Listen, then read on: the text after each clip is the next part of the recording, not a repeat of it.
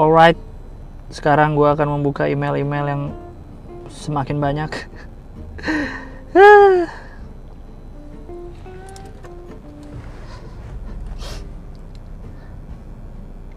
Nama jangan disebutin, oke. Sudah lama tidak berpartisipasi di email. Ini pakai F, mantap. Pengen nanya pendapat Bang Gilbas, ngerasa nggak sih kalau makin tua yang temen yang beneran tuh makin dikit kadang yang dulu temenan deket tapi pas ketemu obrolannya kerasa canggung dan aneh tapi masih ada juga yang lama banget nggak ketemu tapi tetap nyambung. Setuju banget. Terus sama kakak atau adik pun jarang banget ngobrol yang beneran ngobrol karena udah sibuk masing-masing aja dengan kehidupan.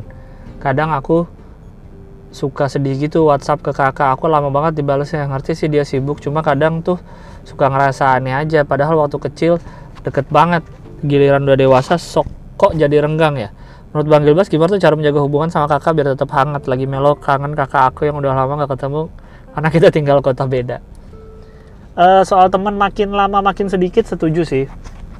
Sebenarnya bukan makin sedikit kita makin tahu aja setelah bertahun-tahun hidup uh, ke filter sendiri mana teman yang beneran bisa jadi teman deket gitu mana yang sekedar acquaintance atau cuma kenalan mana yang mana yang bisa lu curah, curah curahkan seluruh hati lu ke orang itu? Mana yang cuma bisa ngobrolin hal-hal yang di permukaan aja ntar jadi muncul sendiri sih. Terus soal ke kakak adik gue juga nggak terlalu deket sih biasa aja. Tapi bukan yang gimana banget gitu yang jauh banget enggak gitu. Serumah aja gue jarang ngobrol. Uh, gimana caranya ya? Mungkin ya karena kakak apalagi udah dia lebih tua dari lu lu aja udah ngerasa teman makin dikit apalagi kakak lu kali mungkin ya. Jadi mungkin dia masih ya gitulah. Uh,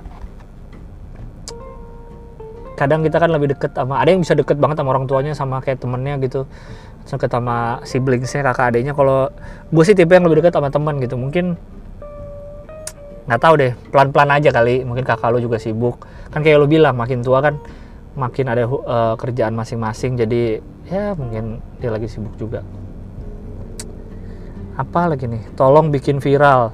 Bang Gilbas tolong buat viral youtuber ini dia cover lagu dengan main gitar akustik finger style nggak dijenggreng namanya Alip Bata. Semoga juga bisa diundang sama hitam putih. Kenapa jadi tugas gue nyuruh orang bikin viral? Oh yang ini mah gue tahu subscribernya udah 900 ribu ngapain bikin viral? Aneh lu ah. Gak usah email ke gue lagi. Pendengar setiap podcast biar lega Dear Bang Gilbas, selamat sore Bang. Perkenalkan nama gue Kintan. Ih, Kintannya Kintan Buffet nggak sih? Mau sedikit cerita biar lega. Saat ini gue kerja sebagai karyawan di salah satu perusahaan swasta. Gue seneng banget dengerin podcast lu setiap minggunya. Jadi rutinitas di hari Kamis atau Jumat buat gue. Nah, dia udah tahu nih kalau gue juga sering upload Jumat kayak hari ini. Karena entah kenapa gue suka aja dengerin bacotan dan pola pikir lu dalam melihat dan memaknai suatu dalam kehidupan ini. Coy lah, biasa aja kali gue aja. Nggak tahu gue ngomong apaan gue dengerin podcast lu biasanya di jam-jam ngantuk saat kerja di kantor dan gue suka ketawa-tawa sendiri dengan respon lu saat bacain email masuk karena meja kerja di kantor gue tanpa sekat jadi semua orang bisa ngeh gitu. Sampai beberapa karyawan lain juga ngeh dan atasan gue doi duduknya di depan gue langsung suka penasaran gue ngelakukan apa sampai sampai bisa ketawa begitu. Hahaha. Nggak jarang juga kadang-kadang mana sih? Kadang-kadang gue dengerin podcast lu tuh pas lagi di kereta dan gue ketawa sendiri orang-orang sekeliling suka ngeliatin yang kayak aneh aja gitu gue ketawa TV mungkin disangka stres. Karena gue biasanya masukin handphone ke dalam kantong atau jaket atau tas jadi orang bingung kali ya kenapa gue ketawa sendiri. Tapi bodo amat lah nggak peduli juga gue ya udah nggak usah peduli lah. Udah itu aja emailnya kepanjangan takut lu malas baca. Semoga sih enggak ya. Anyway sukses buat lu bang dan happy terus terus. Happy terus ya. Thanks and regards Kintan. Terima kasih Kintan. Kintan Wailulu namanya. Lucu banget Wailulu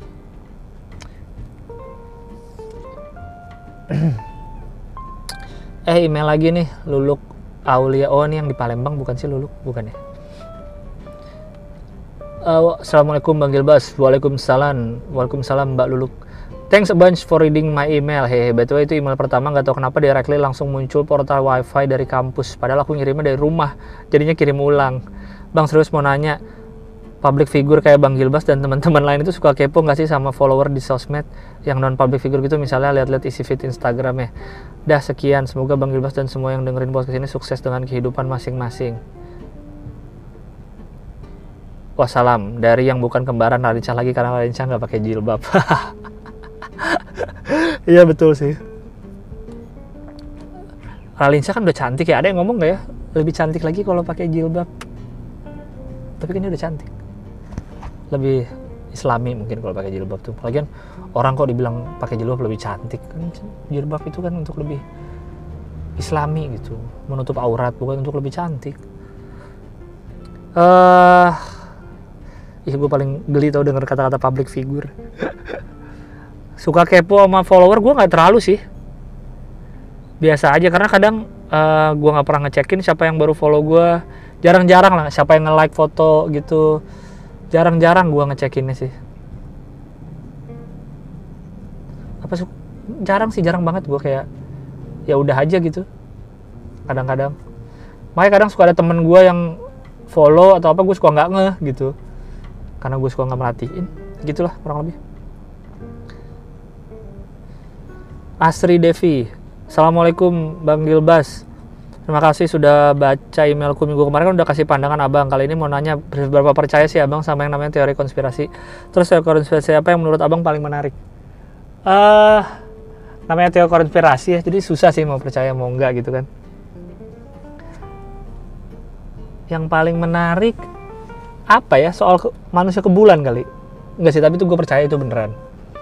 Uh, soal UFO mungkin uh, soal pembunuhan JFK yang masih misteri banyak sih di Indonesia aja lah soal super semar gitu soal apakah waktu PKI itu ada keterlibatan CIA wah gitu sih masa jauh-jauh yang keluar luar negeri lah sama kalau yang bukan konspirasi sih ini gue lebih tertarik justru tentang pembangunan candi-candi pembangunan uh, artefak-artefak zaman dulu yang udah bisa bagus banget gitu. Teknologi sekarang aja belum tentu bisa bikin gituan. Itu kali. Titik balik dalam kurung thanks masukannya bang. Ini udah pernah ya? Malam Bang Gilbas, gue salah satu pendengar episode lu yang emailnya dibacain di episode putih. Gue yang waktu itu curhat soal hobi gue gambar yang buntu karena kerjaan. Oh dia bagus nih mengingatkan lagi gue kepada emailnya. Karena gue emang lupa. Gue ketik email ini tepat pas gue sampai rumah langsung gue ketik gue dengerin podcast lu pas lagi di jalan. Lagi macet-macetan sama orang-orang yang juga mau pulang ke rumah gue kira email gue nggak dibacain dan sempet hopeless karena lu bilang email terakhir karena udah sejam. Eh tapi karena tepat sebelum lu udahan email terakhir yang lu baca ternyata email gue jujur gue langsung minggir dan berhentiin kendaraan gue buat dengerin opini lu. Ya Allah kan bisa lu pause denger di rumah. Ada-ada aja dah dan gue ngerasa jawaban ini yang sebenarnya gue cari-cari. Opini lu sangat kontra dari semua orang-orang sekitar gue yang selalu ngasih jawaban yang sama. Jawaban lu ngasih gue perspektif baru kalau apa yang selama ini orang bilang itu nggak seutuhnya benar terutama bagian lakukan pekerjaan sesuai hobi maka lu bakal ngerasa kerja nggak ngerasa kerja dan lu nggak counter kuat itu itu oh ngerasa nggak kerja kali. Eh lu nggak bakal ngerasa kerja ya gue yang salah baca.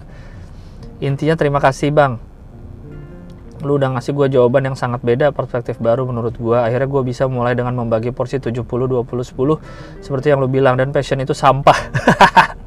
Karena hobi itu menyenangkan ketika lu nggak harus berhadapan dengan deadline dan bisa dengan bebas juga senang saat ngelakuinnya. Makasih bang. Makasih semoga lu juga tetap have fun ngejalanin hobi lu ya bang. Amin amin. Bener sih. Sekali lagi hobi tuh yang dibikin menyenangkan hobi adalah karena nggak ada deadline dan nggak ada bosnya kalau hobi lu udah jadi kerjaan mungkin awalnya nyenengin, tapi saat udah ada deadline, saat udah ada revisi klien, saat udah ada tuntutan sana sini, jadi nggak menyenangkan lagi. Itulah saat hobi lu yang 20% udah berubah jadi 70%. Itulah saatnya lu mencari 20% yang baru. Ya, agar lu tetap waras di hidup ini, bisa berhobi. Berhobi. Bang, jangan dibacain nama emailnya ya, oke. Halo Bang, gue cowok usia 25 tahun kerja di BSD salah satu kantor pusat lembaga keuangan non bank udah tiga tahun dari sejak lulus kuliah 2016 gua rasa kehidupan kantoran benar-benar flat yang kerja bangun pagi dan macet-macetan di jalan bareng orang kantoran lainnya. Jam 8 masuk terus kerja nggak ngeliat matahari sampai jam 5 kadang lembur sampai jam tujuan. Di jalan pulang macet sampai rumah udah malam dan langsung tidur besok paginya. Kerja lagi dan begitu terus gue udah mulai buka usaha F&B bang. Gue mau minta saran apa gue lanjut kerja kantoran atau fokus sama usaha gue aja. Sisi lain kerja kantoran lumayan banget duitnya. Cuma ya itu kayaknya enak lihat orang yang siangnya bisa jalan tanpa harus depan laptop terus sampai sore. Makasih ya bang. Sukses terus podcastnya. Gue nggak pernah kerja kantoran ya jadi gue nggak nggak bisa tahu di berjalan di sepatu lu tuh gimana rasanya. Tapi kalau lu ngerasa flat seperti yang gue sering bilang di podcast ini kayak gue sering banget ngomong gitu deh kalau lanjut kalau seneng lanjutin kalau nggak seneng tinggalin. Simpel gitu aja lah. Kalau gue lihat nih kerjaan kantoran lu nih yang 70 eh, usaha FNB lu nih yang 20 nih. Nanti aja uh, kerjain aja dua-duanya dulu karena lu harus tetap hidup dong lu harus tetap punya uang gitu. Jangan sampai lu FNB lu belum settle tahu-tahu lu berhenti di kerjaan terus jadi kacau semua finansial dan hidup lu terus lu jadi nyalain rezim. Jangan gitu jadi mungkin FNB lu bener uh, pelan-pelan aja sampai mungkin jadi 30, 40 sampai akhirnya bisa gantiin yang 70% tadi. Sampai akhirnya lu bisa resign dan nyari 20% yang baru. Gila gua kayak motivator gua. Takut gua, gua tuh takut, gua tuh paling sebel kalau orang yang so menggurui, tapi karena lu email ke gua ya udah, jadi gua harus menggurui. uh, makanan pedas subjeknya. Selamat pagi, siang, malam. Perkenalkan Bang Gilbas, panggil aja aku Waski paham waskita? Oh waskito deh. Mau ikut ngeluarin pikiran biar lega juga menurutmu kenapa orang-orang umumnya orang Indonesia selalu menganggap seakan-akan makanan pedas itu sebuah kompetisi? Dan mereka yang mampu makan lebih banyak cabai sering mengover glorifying kemampuannya itu. Apalagi yang masih sering ngata-ngatain orang lain yang gak mau makan pedas. Ya Allah penting banget emang ya. Mungkin ini emang lingkunganku aja yang toksik sekedar ngeluarin pikiran aja biar lega. Tapi pikir lagi kenapa ya? Terima kasih banyak udah baca emailnya. Semoga makin banyak yang dengerin podcastnya.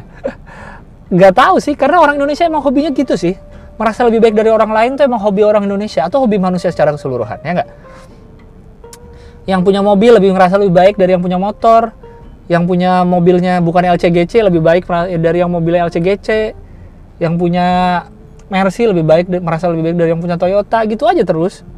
Mungkin yang orang suka makan pedas merasa lebih baik dari yang nggak suka makan pedas gue sih termasuk yang nggak suka. Uh, suka dikit tapi ke, perut gue yang nggak suka. Gue gampang banget sakit perut jadi gue pun merasa lebih baik dari orang yang makan pedas kayak gue nih gue nggak ngerokok gue merasa lebih baik dari orang yang nggak ngerokok. Padahal belum tentu. Aduh. Subjeknya pendek aja soal suara lu pas baca email. Bang Gilbas lu berencana bakal pakai suara bakal pakai terus suara penyiar aneh pas baca email pas eh Bang Gilbas lu berencana bakal pakai terus suara penyiar aneh pas baca email nggak? Udah tiga episode ya kalau nggak salah. Dan gue selalu stop dengerin podcast lu pas lu mulai ngeluarin suara itu. Entah kenapa bikin gue pusing. Mudah-mudahan lu berhenti pakai suara itu bang. Kalaupun lanjut ya nggak apa-apa sih. Paling gue aja yang skip dengerinnya ntar. Please dong. Aduh. Gue minta maaf deh kalau suara gue tuh bikin lu nggak nyaman. Dengerin podcast gue ini. Aduh. Aduh. Sorry banget kalau bikin lu pusing. Gue akan berhenti deh gue akan berhenti pakai suara penyiar kayak gini demi lu deh. Gue nggak pengen kehilangan pendengar kayak lu. Please. Nggak ada yang bohong. Ya udah skip aja kalau nggak seneng. Uh, uh, bang jangan dibacain nama gue ya. Ini yang tadi ya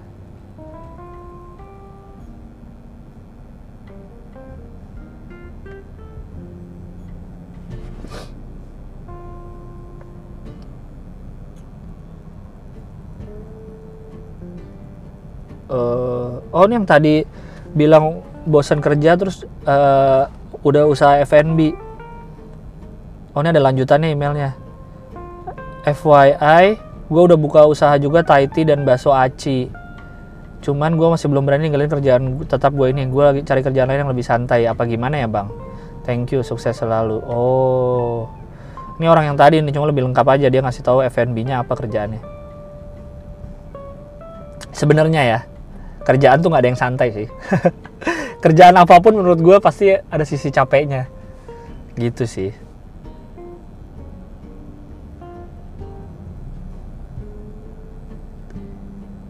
Jadi ya udahlah kayak gue bilang tadi pelan-pelan aja. Karena nggak akan ada yang santai. Kalau si title lu jadi kerjaan utama juga nggak akan santai lu ngerjainnya pasti. Udah berapa menit nih? 48 menit masih ada waktu lah. Halo Bang Gilbas nama gue Flo gue cewek yang eh gue cewek ya bang. Haha banyak yang salah kira gue cowok soalnya pas lihat nama gue ah enggak flow kayaknya emang nama cewek deh.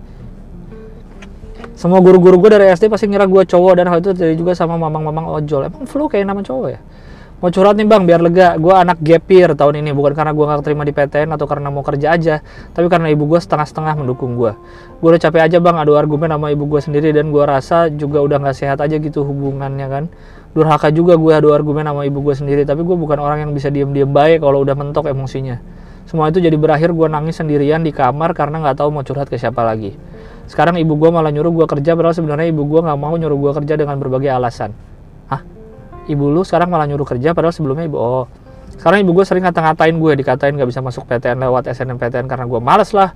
Nggak mau nyari kerja karena gue nggak punya skill apa apa lah dan sampai di mana gue ada di titik gue kecewa sama ibu gue sendiri. Di titik ini gue ngerasa salah tapi gue juga ngerasa kenapa ini harus terjadi ke gue sekarang pelarian gue supaya nggak argumen sama ibu gue cuma dengerin podcast podcast bang termasuk podcast lu makasih ya bang. Udah gue baca udah gue lupa masalah gue alamin pas gue denger podcast lu jadi bisa ketawa-tawa sendiri. Semoga sehat selalu ya bang. Maaf kepanjangan emailnya. Wow. Gue sih nggak bisa memberi saran apa pun. Karena itu urusan keluarga antara ibu lu dan ibu lu. Kalau lu ngerasa ibu lu nggak dukung ya lu kan lu udah gede berarti udah gapir udah lulus SMA uh, eh, mungkin lu coba pergi dari rumah. Enggak ya? Gue yang nyuruh kabur lagi. Ya pokoknya lu coba lakuin. Misalnya kerja ya udah lu kalau pengen kerja kerja aja gitu. Ya buktiin aja ke nyokap lu kali kalau lu tuh nggak ngap bukan yang nggak ngapa-ngapain gitu kali ya. Ya nggak tahu deh. Oke begitu aja deh. Gue tidak mau mencampuri urusan keluarga orang lebih lanjut. Semoga cepat selesai urusan sama uh, sama nyokap lo? Uh, Brian Hanif banyak pertanyaan biar lega Assalamualaikum warahmatullahi wabarakatuh. Mas Gilang Waalaikumsalam warahmatullahi wabarakatuh Mas Brian. Halo Mas Gilang Saya Brian Hanif dari Surabaya. Saya pengagummu sejak Suci 2 show 5 yang tentang superhero pengangguran. Emang agak telat tahunya baru di show kelima. He, Saya selalu kagum dengan komika yang detail selalu tentang hal-hal yang dekat dengan kita Yang dikupas dan diamati sedemikian rupa untuk dicari letak lucunya di mana. Sehingga penonton merasa dekat dan begitu relate bercampur tidak menyangka bahwa apa yang sehari-hari kita temui ternyata kalau dipikir-pikir ada komedinya juga. Terus ketemu langsung dan berani negur di LPLK-nya Bang Ardi di RRI Surabaya. Oh iya. Bang Gilang waktu itu sama cewek tapi saya lupa itu sama Debi atau bukan iya sama Debi. Awalnya saya nggak percaya Bang Gilang ada di tengah-tengah kami para penonton LPLK, LPLK ketika dimention dan disapa Bang Adri. Baru percaya pas secara selesai ada Mas Gilang, Mas Kuku sama siapa ya satu komika ibu kotanya. Ibu kota saya lupa mumpung lagi email sekalian saya nanya biar lega waktu Mas Gilang nonton LPLK di Surabaya kenapa nggak nonton Pamungkas ya di Jakarta kan lebih deket juga. Kalau nggak salah waktu itu uh, eh, gue nggak sempet nonton di mana pun Adri kalau nggak salah ya. Jadi karena waktu itu ada kesempatannya kosong di Jakarta di Surabaya waktu gue dan ada duitnya jadi gue ke Surabaya nonton Adri begitu. Uh, kemarin saya nonton berpacu dalam melodi yang pas edisi juru bicara World Tour Mas Gilang. Ya Allah itu udah lama banget Mas Gilang menang di babak keempat dapat 4 juta. Itu beneran dikasih nggak duitnya? Dipakai buat apa 4 juta? Masih ingat nggak? Beneran dikasih kok, cuma lama turunnya. Mana gua inget di, dipakai buat apaan? 2013 itu berarti. Mas Gilang termasuk pengikut tren nggak? Sejauh apa Mas Gilang ngulik sebuah tren? Apa tren yang paling Mas Gilang ikuti? Misalnya dulu ada tren sepeda fiksi. Mas Gilang ngikutin punya sepeda fiksi sampai tahu merek spare part jenis-jenis gitu nggak? Enggak. Karena gue main sepeda biasa dari dulu. Sampai sekarang masih cuma udah jarang sekarang sih. Cuma masih ada sepeda gue. Gue lebih ngulik ke sepeda biasa sih uh, tren nggak ada yang gue ngikutin sih. Paling sneakers tapi juga nggak ngikutin. Gue cuma beli apa yang gue suka. Nggak beli apa yang ngikutin tren sih sejauh ini. Kayaknya gitu. Udah gitu dulu aja. Nanti kalau ada yang lain bikin gak lega lagi. Saya nantang email lagi biar lega lagi. Terima kasih Mas Gilang atas jawabannya. Semoga selalu sehat selalu fane fane apa sih? Oh funny. Selalu julid saya selalu senang atas reaksi julidnya Mas Gilang. Kayak kontradiktif gitu antara looknya Mas Gilang yang nerd tapi ternyata mulutnya menyerupai Cutari tentu sama tanpa videonya. Ups ya burung irian burung cendrawasih. Udah kepanjangan takutnya basi. Ditutup pakai pantun biar klasik. Cai lah. Best regard Brian Hanif. Dan dia ada screenshot gue lagi main berpacu dalam melodi di net TV ngapain lagi lu screenshot? Unpad cuma menang negeri doang subjeknya Tolong kepada Bang Gilbas untuk segera rilis box set Gilbas at Theater Jakarta dan datangkan Harry Hori di podcast biar lega. Terima kasih dan sehat selalu. gue juga udah gak sabar pengen rilis podcast, cuma ada kendala di produksi jadi harus ada yang dibikin ulang. Ya, semoga bisa keluar dalam bulan ini atau bulan depan lah. Gue juga pengen cepet menuhin kamar gue box setnya. Padahal kayak bakal laku aja nanti ya. Harry Hore nanti lah ya. Gue juga mau kok undang dia. Laras Sri Assalamualaikum Mas Gilang. Pertanyaan saya menurut Mas Gilang, apakah saya terlalu idealis karena saya cuma ingin kerja sesuai dengan jurusan kuliah? Terima kasih sehat-sehat dan bahagia terus buat Mas Gilang. Waalaikumsalam. Ya enggak lah. Kan banyak tujuan orang kuliah kan milih jurusan spesifik biar tahu pengen kerja apa dong. Walaupun banyak yang akhirnya tidak sesuai jurusannya. Cuma kalau lu sudah tahu kalau lu akan kalau lu sudah tahu lu mau jurusan apa dan kalau lu sudah tahu dari jurusan itu mau kerja apa, ya harusnya lebih baik dong tidak usah bingung-bingung ya tidak idealis tenang aja ciri-ciri pecandu pornografi Hai Bang Gilbas, selamat malam. Ini kedua kalinya aku email di podcast biar lega. Email kali ini aku nggak mau curhat tapi mau request Bang Gilbas Bang Gilbas buat react video dari Kemensos RI ciri-ciri pecandu pornografi yang tiba-tiba muncul di beranda YouTube aku. Pas lihat ini di beranda YouTube jadi keinget Bang Gilbas waktu bahas ciri-ciri pengguna narkoba menurut BNN di podcast dan kayaknya juga seru atau lucu kalau dibahas. Ini linknya video durasi 8 menit 31 detik. Sekian, maaf nggak jelas. Terima kasih sudah sempat membaca. Nanti gue baca deh. Eh nanti gue tonton videonya ya ciri-ciri pengguna penonton pecandu pornografi. Ntar gue masuk lagi ciri-ciri itu.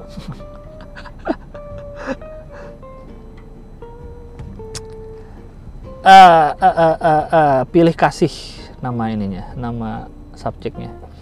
Halo Bang Gilbas, gue R dari Sidoarjo gue mau cerita pengalaman sama cewek biar lega aja. Jadi kejadian setahun yang lalu. Gue lagi deket sama adik kelas SMA batu gue udah kuliah.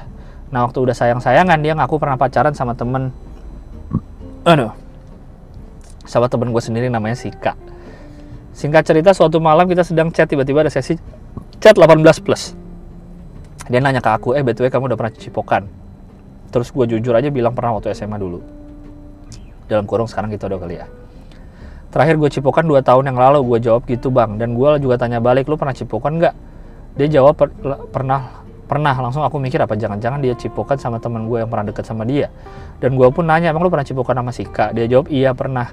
Hari itu langsung gue hancur bang. Masalahnya teman gue Sika ini anaknya cuma nyoba-nyoba doang kalau sama cewek. Dia bener-bener tukang nyoba-nyoba. Dia juga cerita itu nggak dia juga cerita itu nggak cipokan aja tapi tangannya cowok eh tapi tangan cowok ke mana-mana. Terus gue agak marah bang. Gue bilang ke cewek gue lah kenapa kamu nggak mau pas aku ngajak cipokan terus dia bilang iya tempatnya aja yang gak enak kata dia. Gue nggak ada cipokan di bioskop. Ih di bioskop ada CCTV loh. Dan setelah itu berhari-hari gue diliputi rasa penasaran dan sange juga ternyata dia mau asal tempatnya enak. Ya iyalah. Lu yang nggak nggak aja lu emang cewek mau lo ajak ke semak-semak dan karena tidak terlaksana karena kita sama-sama sibuk akhirnya suatu hari kita putus karena ada masalah. Gue putus pas gue lagi sange-sangenya. Asli itu nggak enak bang. Ah cowok cowok. Sorry bang ceritanya panjang. Btw tur boring bokir mau ke Surabaya nggak? Makasih bang sukses selalu. Boring bokir turnya belum tahu tapi doain aja bisa ke mana-mana ya. Uh, yang lu salah adalah lu nanya dia pernah ngapain sama siapa sih. Ya walaupun lagi ngomongin cipokan ya karena menurut gue itu bisa merusak di masa sekarang. Ini kita tuh kan nggak pernah hidup di masa lalu atau di masa depan. Kita selalu hidup di hari ini. Kita hidup di hari ini nih. Ya kan? Bukan di masa depan bukan di masa lalu. Jadi terkadang ya saat di hari ini kita kita terlalu mikirkan masa lalu atau terlalu mikirkan masa depan bukannya boleh nggak bukannya nggak boleh mikirin ya tapi jangan terlalu dipikirkan. Ingat secara sesuatu yang berlebihan apa pun bentuknya adalah tidak baik oke? Okay? kalau kita terlalu mikirin masa depan dan terlalu mikirin masa lalu akhirnya suka jadi merusak hari ini. Padahal kita hidup di hari ini. Kita bernafas nih di hari ini. Bukan di hari esok atau di hari kemarin atau di masa lalu. Jadi kalau bisa tidak usah melakukan hal-hal yang bisa merusak kebahagiaanmu di hari ini Sekian dari saya, selamat malam Gilang. Anjing, keren banget gue kayak ngasih quotes terakhirnya. Udah sih emang. Email yang belum nanti ya, gue bacain. Berikut-berikutnya, pertemuan kami kita berikutnya. Uh, gue pengen ngasih tau apa ya, gue ada uh, event di Jakarta tanggal 6 November.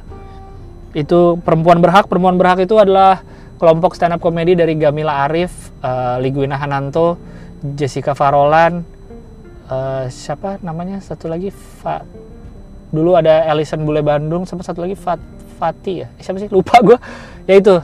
Tapi sekarang nih digawangi oleh Teh Wina dan Bagamila mereka lagi mau bikin kelas komedi. Ada Panji ada gue ada Bari. Gue ngajar di 6 November kalau nggak salah. 6 November di Jakarta di Wijaya. Poster lebih lanjutnya kayaknya bisa lihat di tweetnya Mbak Gamila deh. Kayak gitu. Ntar gue kasih di uh, deskripsi deh uh, apa namanya link link kelas komedinya ke mana ngubunginnya oke okay? itu sih paling apalagi ya yang ada bisa gue promoin nggak ada sih dah itu aja Jangan lupa Boring Bokir akan muncul dalam bentuk podcast yang udah tayang ya di YouTube-nya Us. Di podcast gue ini akan tayang mulai hari Minggu depan nih. Uh, mulai minggu ini di hari Minggu ya. Hari Minggu tanggal berapa tuh? 27 akan gue tayangkan mulai yang episode pertama ya mungkin lu ada yang udah pernah nonton di YouTube ya tapi ini biar versi audio bisa biar bisa lu dengar di mana-mana oke okay? terima kasih banyak yang sudah mendengarkan ya walaupun telat-telat mulu podcast ini sampai jumpa di podcast biar lega berikutnya.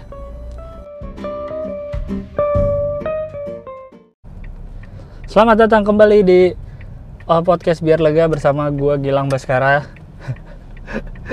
podcast yang uh, berisikan omongan tidak jelas, bacotan gue uh, yang gue keluarkan dari otak, yang daripada kepikiran mending dikeluarin dalam bentuk podcast biar lega.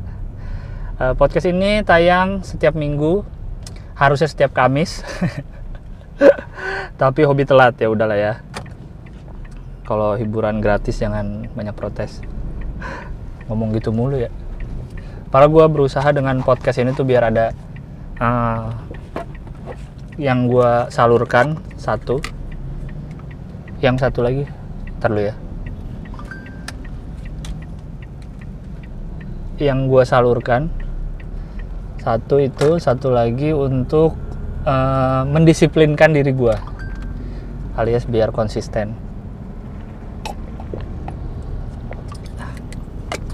Dan hari ini kembali lagi setelah kayaknya udah lama deh gue nggak bikin podcast sambil nyetir lagi. Ini sekarang uh, kembali di perjalanan saya di mobil karena perjalanan cukup jauh. Cukup membelah Jakarta jadi sekalian. Ini harusnya buat uh, tanggal 23 ya? Eh kemarin tanggal berapa sih? 24 yang sekarang hari Jumat. Gitu tuh gue kalau mau bikin podcast tuh ada aja. Dari Rabu nih biasanya udah mau uh, Rabu udah mau bikin Rabu ah. Rabu siang. Jadi Kamis tinggal upload. Eh terus dapat kabar mau ada sponsor masuk. Asik hati-hati lo podcast gue gini-gini mau ada sponsor masuk. Aduh ada-ada aja dah ngomong kagak jelas gini ada ada aja yang mau ngiklan ya tapi ya harus disyukuri alhamdulillah. Begitu terus jadi gue tunda bikinnya terus eh ternyata nggak jadi. Eh, bukan nggak jadi sih maksudnya bukan buat minggu ini. Jadi ya udah minggu ini uh, tapping aja podcastnya seperti biasa ya udah. Ah telanjur tau gitu dari kemarin gue bikin. Gitulah kalau mengejar materi. Pengejar duit. Jadi nunggu deh demi duit. Padahal bisa diedit tambahan ya. Jadi kayaknya kalau mulai minggu depan atau minggu-minggu berikutnya kalian merasakan ada pesan sponsor di podcast ini ya berarti emang ada pesan sponsor. Uh,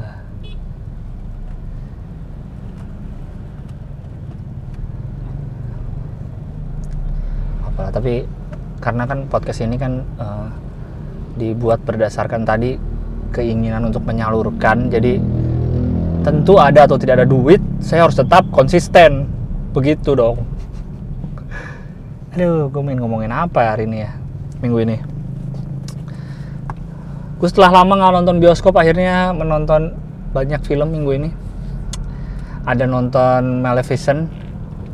Ya Maleficent yang pertama yang pertama menarik sih menarik karena sudut pandangnya sih. Itu kan Sleeping Beauty ya cerita yang sudah kita tahu gitu dari kecil. Cerita Disney tentang putri tidur terus tapi diubah dari sisi si uh, apa namanya penyihirnya btw ini akan spoiler spoiler ya bodo amat ya. Jadi kalau yang belum nontonin ya tidak usah denger beberapa menit ke depan atau tidak usah denger podcast ini aja sekalian. Yang kedua yang kedua sebenarnya eh, secara cerita standar lah standar Disney. Yang pasti ujungnya eh standar Disney dan standar cerita dongeng yaitu yang ujungnya adalah happily ever after pasti. Terus gini ada yang jahat gini terus jadinya yang jahat kalah yang jahat awalnya kayak menang. Selalu begitulah tapi yang namanya juga film Disney ya eh, dikemasnya menarik banget apa visualnya. Visualnya menarik sih menurut gua. Gambarnya terus jokesnya sinematografinya asik banget. Jadi sebagai tontonan tentu kalau dari cerita ya gitu aja. Cuma secara menghibur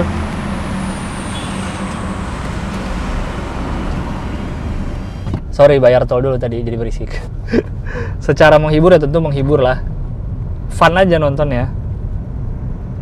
Terus gue nonton apa lagi? Nonton Joker akhirnya ya Allah. Setelah Joker tiga minggu kali tayang di bioskop ya. Terus setelah banyak orang ngomongin di Twitter dengan segala macam teorinya akhirnya gue nonton juga.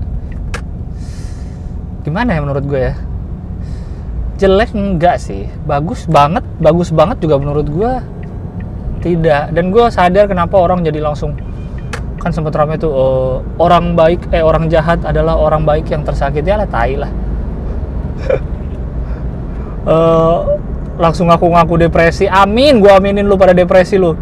Gara-gara nonton Joker sosok depresi sosok anxiety pret tahu anxiety dari kuis Facebook aja sosok ini. Apakah kamu senang berada di rumah? Ya apakah kamu tidak suka dekat orang keramaian? Iya oh anda berarti men- menderita anxiety. Wow menurut Facebook aku menderita anxiety.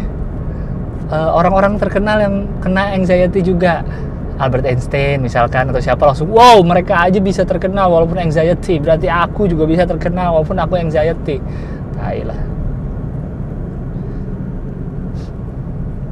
Tapi kayaknya eh gak tahu sih gue masih eh, tidak bisa memastikan apakah Joker terbaik eh bukan Joker terbaik ya. Eh, apakah Joker versi Heath Ledger masih lebih bagus menurut gua daripada Joaquin Phoenix ini? Kalau Heath Ledger menurut gua Heath Ledger tuh eh, The Dark Knight tuh kayaknya gue tuh nggak tahu ya film favorit gua all time apa. Cuma kalau ada yang nanya gue kayaknya bisa menyebut The Dark Knight deh salah satunya gitu walaupun gue juga nggak mungkin bukan itu yang paling gue favoritin film se panjang hidup tapi gue suka banget sama The Dark Knight. Dan terutama karena ada Jokernya. Di situ gue lebih suka karena dan selain actingnya udahlah actingnya uh, Heath Ledger gak usah diomongin lagi kerennya. Tapi gue lebih ke karakter Jokernya sih. Uh, cara dia me- melakukan tindakan-tindakan kriminalnya cara dia uh, berencana bikin rencananya kan keren-keren banget yang ada dua kapal siapa yang mau diledakin. Terus yang pas mau di ambush terakhir sama polisi yang berdiri-berdiri pakai kostum topeng tuh padahal si tahanannya. Gimana dia merencanakan perampokan bank di awal yang sangat keren itu. Lebih ke itunya sih kalau Heath Ledger menurut gue secara visual ya juga keren sih berantakan kan apa make upnya terus cara ngomongnya ngeri gitu. Kalau kalau Joker yang yang Heath Ledger tuh kayak anjing nih orang freak banget gitu creepy banget. Kalau Joker Joaquin Phoenix menurut gue secara karakter mungkin nggak sekeren eh, Heath Ledger yang cara berpikirnya cara dia merencanakan kejahatan. Karena ini kan kayak origin story gitu kan ini baru mau dia baru menjadi Joker gitu. Jadi belum kelihatan rencana-rencana jahatnya. Ada sih rencana-rencana jahatnya tapi belum terlalu detail. Tapi secara visual si Joaquin ini keren banget sih apalagi pas dia jalan di sub eh, MRT itu. Habis dia yang ada protes badut banyak banget di MRT terus dia keluar pakai jas merah itu. Dengan muka dicoret-coretnya terus jalan gitu. Anjing. Dan si Phoenix kurus banget parah di Joker. Padahal aslinya tuh orang kan yang gemuk ganteng. Di Joker asli serem banget badannya super kurus mukanya super runcing gitu. Terus ada yang dia masih di kantor badut yang disorot dari belakang tuh. Punggungnya kayak ih badannya serem banget kurus banget. Kalau acting mah Heath Ledger sama Phoenix dua-duanya acting mah keren. Tapi secara Joker secara visual sih kayaknya jokernya Joaquin keren sih. Gue ngeliat dia aja udah kayak action figure gitu. Di otak gue tuh action figure kayak udah mainan nih udah kayak waktu foto-fotonya Joker sebelum tayang kan? Ada foto-fotonya si uh, Joaquin Phoenix lagi di chat sama pakai jas. Itu aja udah kayak action figure gitu dia. Kalau Joker yang di The Dark Knight kan ya udah aja gitu kita ngelihatnya sebagai orang gitu sebagai Joker. Tapi kalau ini kok anjing udah udah jadi action figure banget bentuknya. Jadi silahkan ditonton lah Joker mumpung masih ada di di sini. Makanya masih agak lama sih Joker sih dan yang gue tonton juga di hari pertama pemutaran karena gue penasaran adalah Perempuan Tanah Jahanam. Uh, filmnya menurut gue sih keren. Visually pleasing. Eh sinematografinya warnanya. Asik banget dilihat. Film Joko Anwar tuh selalu itu sih sinematografi sama detail-detailnya tuh selalu uh, mantep. Tapi kalau secara uh, serem. Bagi gue lebih serem pengabdi setan lebih menakutkan gitu ya secara menakutkan. Gue nih tipe orang yang takut sama darah gitu takut sama adegan sadis. Gue nonton The Raid berapa kali gue hampir merem-merem gitu. Yang dipatah-patahin itu tuh. Uh, gue adegan horor nggak apa-apa tapi kalau adegan darah atau gore atau sadis itu gue ngilu gue lebih kayak uh, tutup muka dikit tutup muka dikit gitu. Nah untuk perempuan tanah jahanam menurut gue tidak ada adegan gore yang bikin gue sampai harus mengenyerit mengenyerit menyengerit apa sih? Men, apa sih menyipitkan mata itu? Men, menyengerit men, men, ah mengenyerinyitkan mat ah alis ya itulah. Di perbuatan ajaanam ini nggak ada yang bikin gue sampai uh gitu banget nggak ada sadis-sadisnya sih ada sudah cuman nggak ada yang sampai bagi uh, batasan gue tuh masih uh gue masih berani lihat lah gitu. Walaupun menjijikan juga sih tapi gue masih berani lihat. Jadi ini kalau yang belum nonton perbuatan ajaran tuh gabungan antara gore dan setan gitu. Setannya ada juga. Gue kira tadinya murni thriller gore gitu tapi ternyata ini ada setan-setannya juga masih ada. Tapi tentu porsinya beda sama pengabdi setan gitu jadi secara menakutkan sih gue lebih takut. Walaupun gue juga bukan orang yang penakut banget ya tapi secara segi menakutkan ya lebih menakutkan pengabdi setan.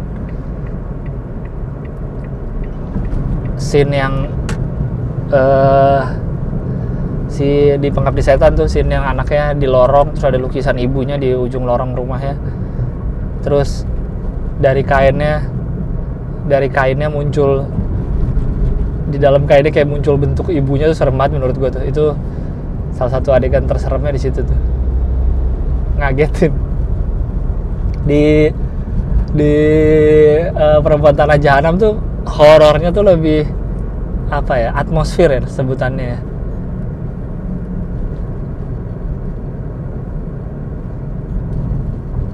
at atmospheric horror ya nggak sih? Jadi horornya tuh bukan dari ya jump scare kayaknya ada nggak ya? Perempuan tanah jahanam jump scare ada mungkin ya cuma horornya tuh lebih di suasana gitu lebih lebih dibangun gitu. Lebih terasa dibangun horornya. Kayak dari pergerakan kamera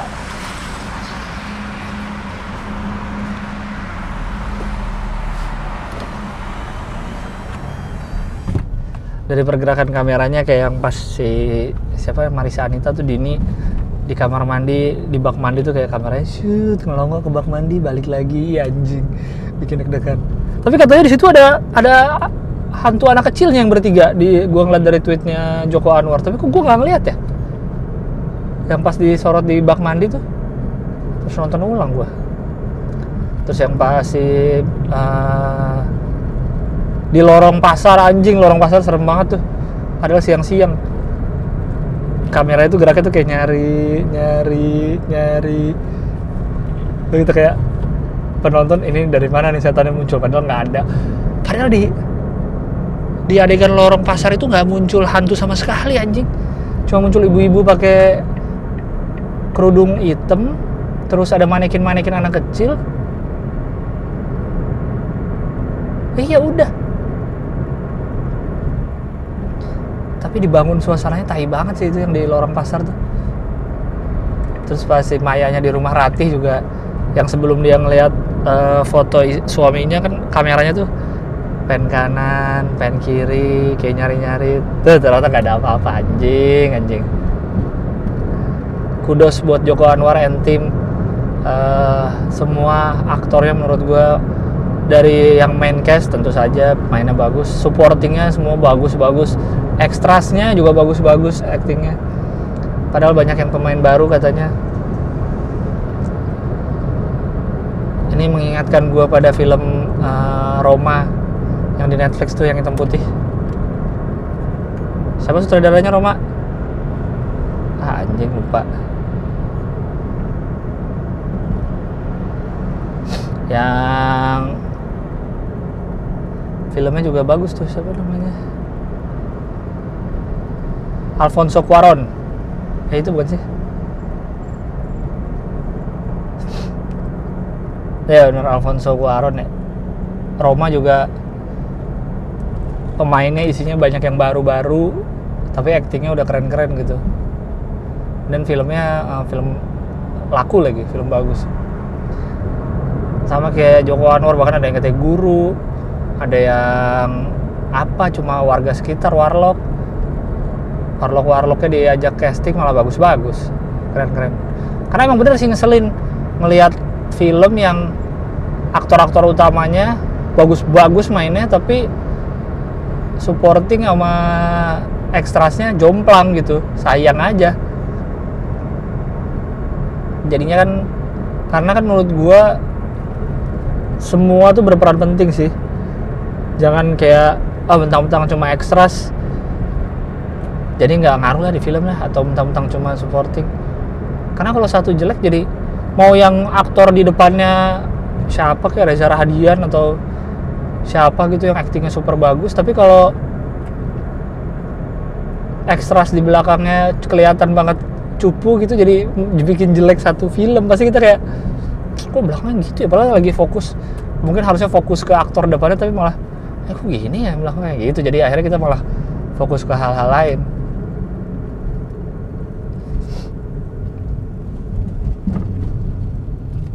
jadi yang belum nonton perempuan tanah jahanam silakan.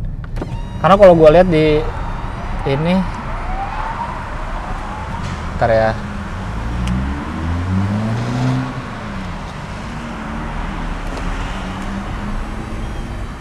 Uh, karena kalau gue lihat di Twitter kan banyak orang yang sampai ada yang sampai muntah katanya.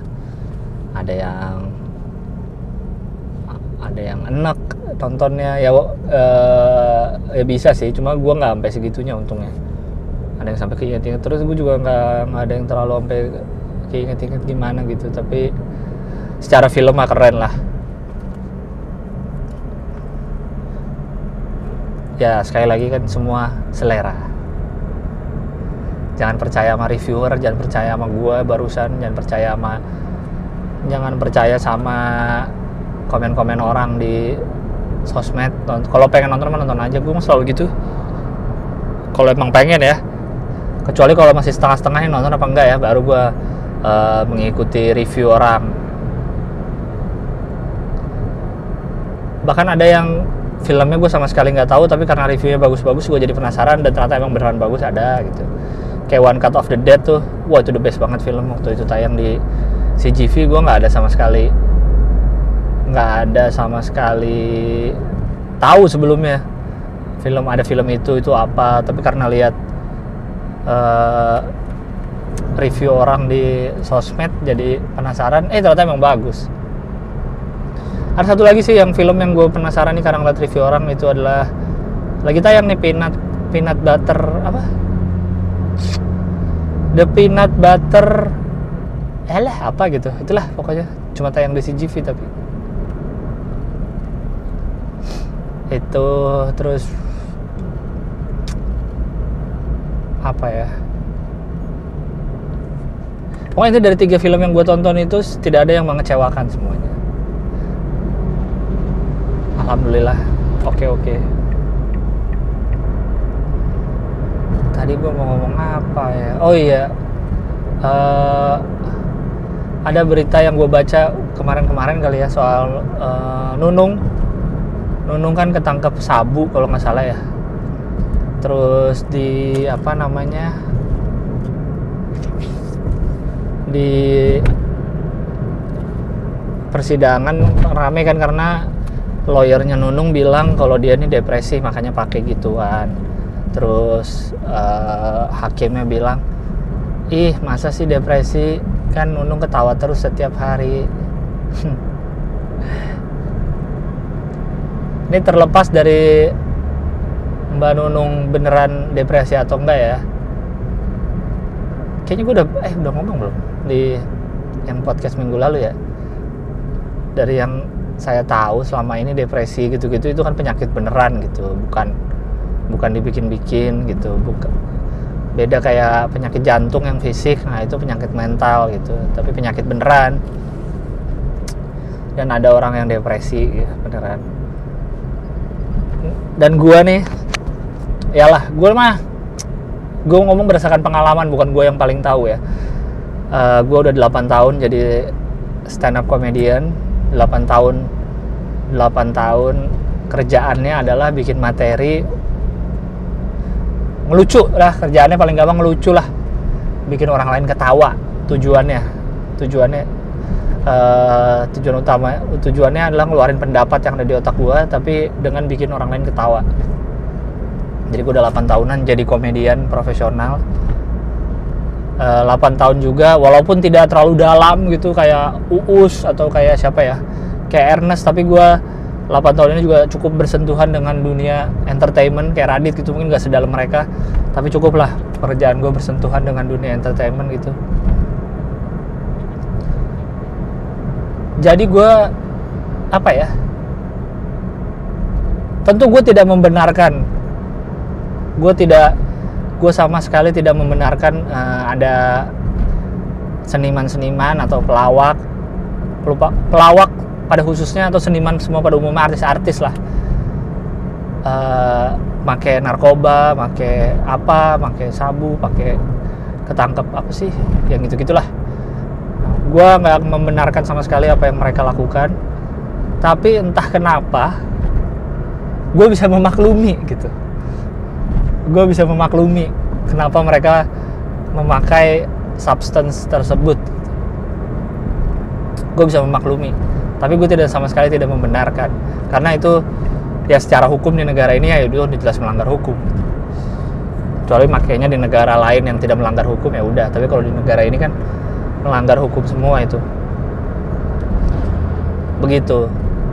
Mungkin gue sih kan nggak ya sy- syuting juga sekali-kali nggak pernah sampai yang ngejob ngejob tiap hari gitu cuman karena kan yang gue denger ada yang bisa bikin nggak ngantuk itu eh, obat-obatan itu substance itu ada yang bisa bikin melek terus. Jadi mungkin mereka menggunakan itu untuk menunjang eh, pekerjaan apalagi yang kerjaannya udah se- sehari bisa di 4 TV gitu bolak-balik dari pagi sampai malam.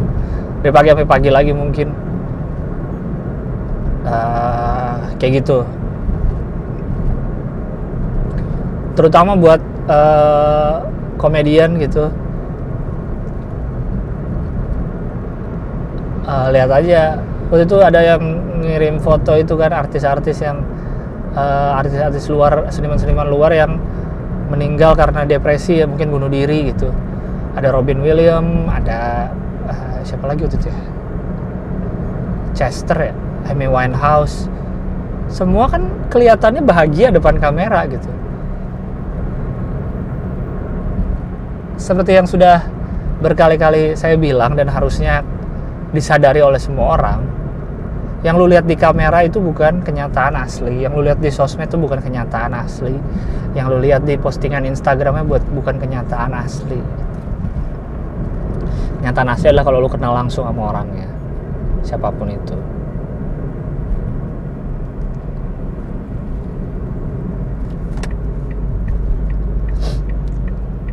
Jadi kalau hakimnya bilang Nunung kan tiap hari di TV ketawa terus. Ah itu bukan kenyataan asli tentu. Gitu. jadi kalau depresi bisa jadi gue tidak membenarkan tapi gue bisa memaklumi gini gue sebagai pelawak ece-ece ini baru 8 tahun jauh lah jaraknya dari uh, Mbak Nunung yang sudah puluhan tahun melawak gitu setiap sebelum tampil mau stand up deg-degannya kayak aduh. Dulu gue kencing bolak-balik pasti. Sekarang ada nambah mules. Nggak sampai boker beneran sih dan nggak sampai muntah beneran gue tapi enak perut. Gitu kayak aduh perutnya enak nih.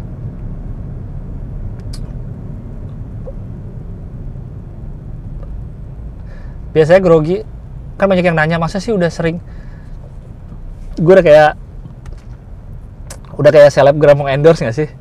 Banyak banget yang DM ke aku nih. Jadi aku jawab langsung aja ya di story ya. Jadi skincare yang aku pakai gitu. Jadi banyak yang nanya sama gue masa sih udah jadi komik uh, profesional bertahun-tahun masih deg-degan aja? Sebel gak sih kalau gitu? Jadi uh, sepengalaman gue ya selama ini menjadi stand up comedian tampil di berbagai macam panggung. Deg-degan itu justru pertanda baik. Itu pertanda kita tidak meremeh tidak ngeremehin penonton tidak ngeremehin panggung ya. Itu deg-degan itu tanda baik. Uh, lalu kalau nggak deg-degan justru biasanya ada yang salah tuh. Biasanya gitu. Suka gue pernah tuh dulu ngelihat panggungnya terus ngeliat uh, penontonnya ah bisa kayaknya nih gue lucu di sini. Malah nggak lucu. Asli pernah gue karena deg-degannya nggak ada. Tapi kalau deg-degan kalau anjing nih gimana nih? Aduh ini nggak lucu ada ya nggak. 100% selalu lucu juga sih. Tapi lebih besar kemungkinannya untuk jadi lucu gitu. Karena kita akan tidak ngeremehin kita akan berusaha sekuat tenaga akan ngafalin akan ngeluarin delivery dengan bagus gitu agar jadinya lucu. Ya seperti itu.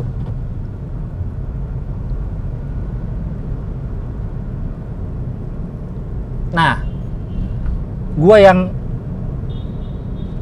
baru 8 tahun tampil ngelucu depan orang ngelucu secara berbayar depan orang juga nggak setiap hari gitu.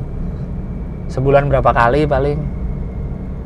Itu aja udah deg-degan mulu tiap mau tampil gitu. Deg-degan itu aduh gak enak lah biasanya dari semalamnya udah stres kan? Bukan stres sih kayak aja nyiapin materi apa besok ya? Aduh ini gini gimana ya? Nah rasa deg-degan itu kadang tampil uh, datangnya belakangan. Kadang kalau gue tuh beda-beda tuh. Kadang setelah lihat venue datang lihat venue baru vuk deg-degan itu tiba-tiba hadir ke tubuh gitu. Tiba-tiba jadi ya itu tadi mules jadi kencing mulu jadi aduh uh, uh, jadi teriak-teriak gitu enak dan lu tanya semua komik kayak gitu semua paling seru kalau ngeliatin komik tuh jangan di depan panggung di backstage kalau lu kesempatan jadi panitia. Apalagi panitia acara besar kayak local stand up day kemarin kayak uh, Jambore stand up kemarin kayak kemarin Idea Fest. Lu kalau lihat di backstage komik tuh kelakuannya aneh-aneh. Ada yang ada yang muntah beneran ada yang boker berkali-kali. Kalau gue ya itu paling bolak-balik teriak-teriak gitu kayak aduh aduh gimana nih gimana nih? Gitu nah ya gue aja yang masih cupu tuh begitu. Apalagi mungkin Mbak Nunung atau komedian-komedian lain yang harus melawak atau melucus hampir setiap hari. Kalau kalian lihat ya di dunia artis Indonesia banyak lah yang kena kasus narkoba. Dari penyanyi, aktor, segala macam banyak tapi kayaknya khusus pelawak tuh cukup banyak ya. Lu lihat aja Sri Mulat. Sri Mulat hampir semua loh ada kasus narkobanya. Ya nggak? Mas Polo pernah Tesi pernah Doyok pernah kalau nggak salah. Banyak loh kan Sri Mulat pelawak-pelawak tuh. Narkoba. Makanya sampai kalau lihat pelawak tuh di Indonesia kalau nggak narkoba poligami. Banyak kan gitu kan. Banyak loh. Makanya yang gue bilang tadi setelah gue melak, melak, melak, bukan melakukan sih terjun di dunia ini gue jadi bisa mem, kayak bisa memaklumi gitu. Hal-hal yang bikin mereka akhirnya jadi pelarian stresnya gitu ya pelariannya ke narkoba gitu. Karena stres kerjaan plus kerjaannya adalah harus ngelawak depan orang. Setiap hari mungkin kayak Mbak Nunung. Atau kayak Sri waktu Sri Mulat lagi masa jaya-jayanya tuh.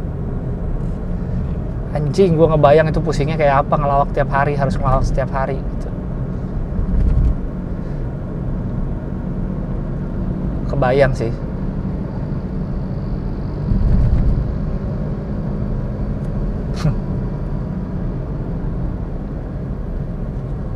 kayak gitu.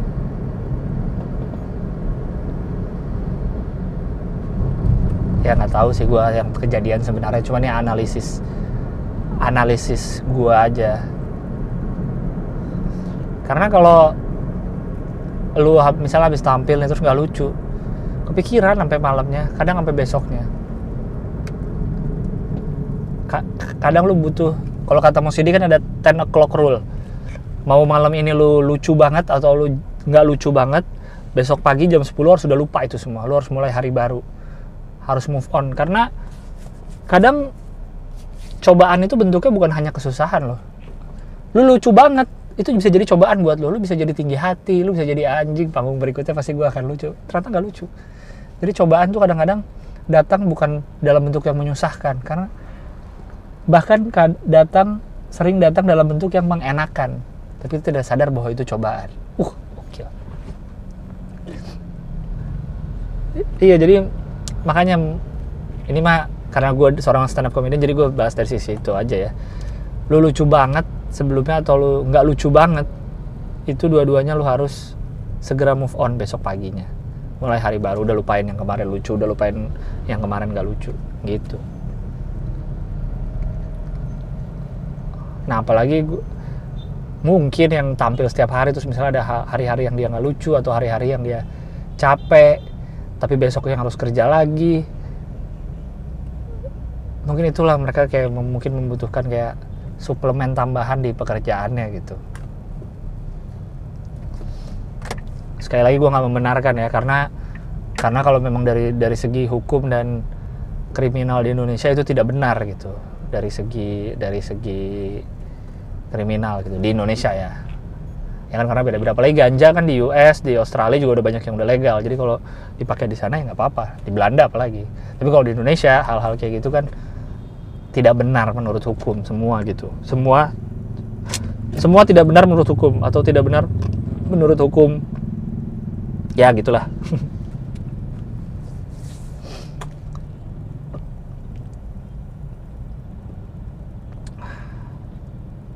sedih juga ya.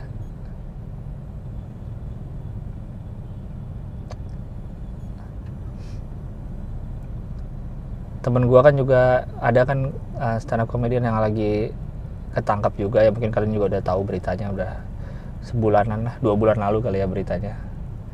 Yang mungkin jadi hampir sama kayak yang gue bilang tadi ke kasus Nunung. Mungkin gue jadi bisa memaklumi kali tuntutan pekerjaan gitu. Mungkin ya. Atau lebih baik hindarilah. Ingat episode yang ciri-ciri pengguna narkoba menurut BNN itu ntar kalian jadi kayak gitu. Tapi intinya adalah semoga negeri ini cuy lah. Akan semakin serius menanggapi hal-hal mental health.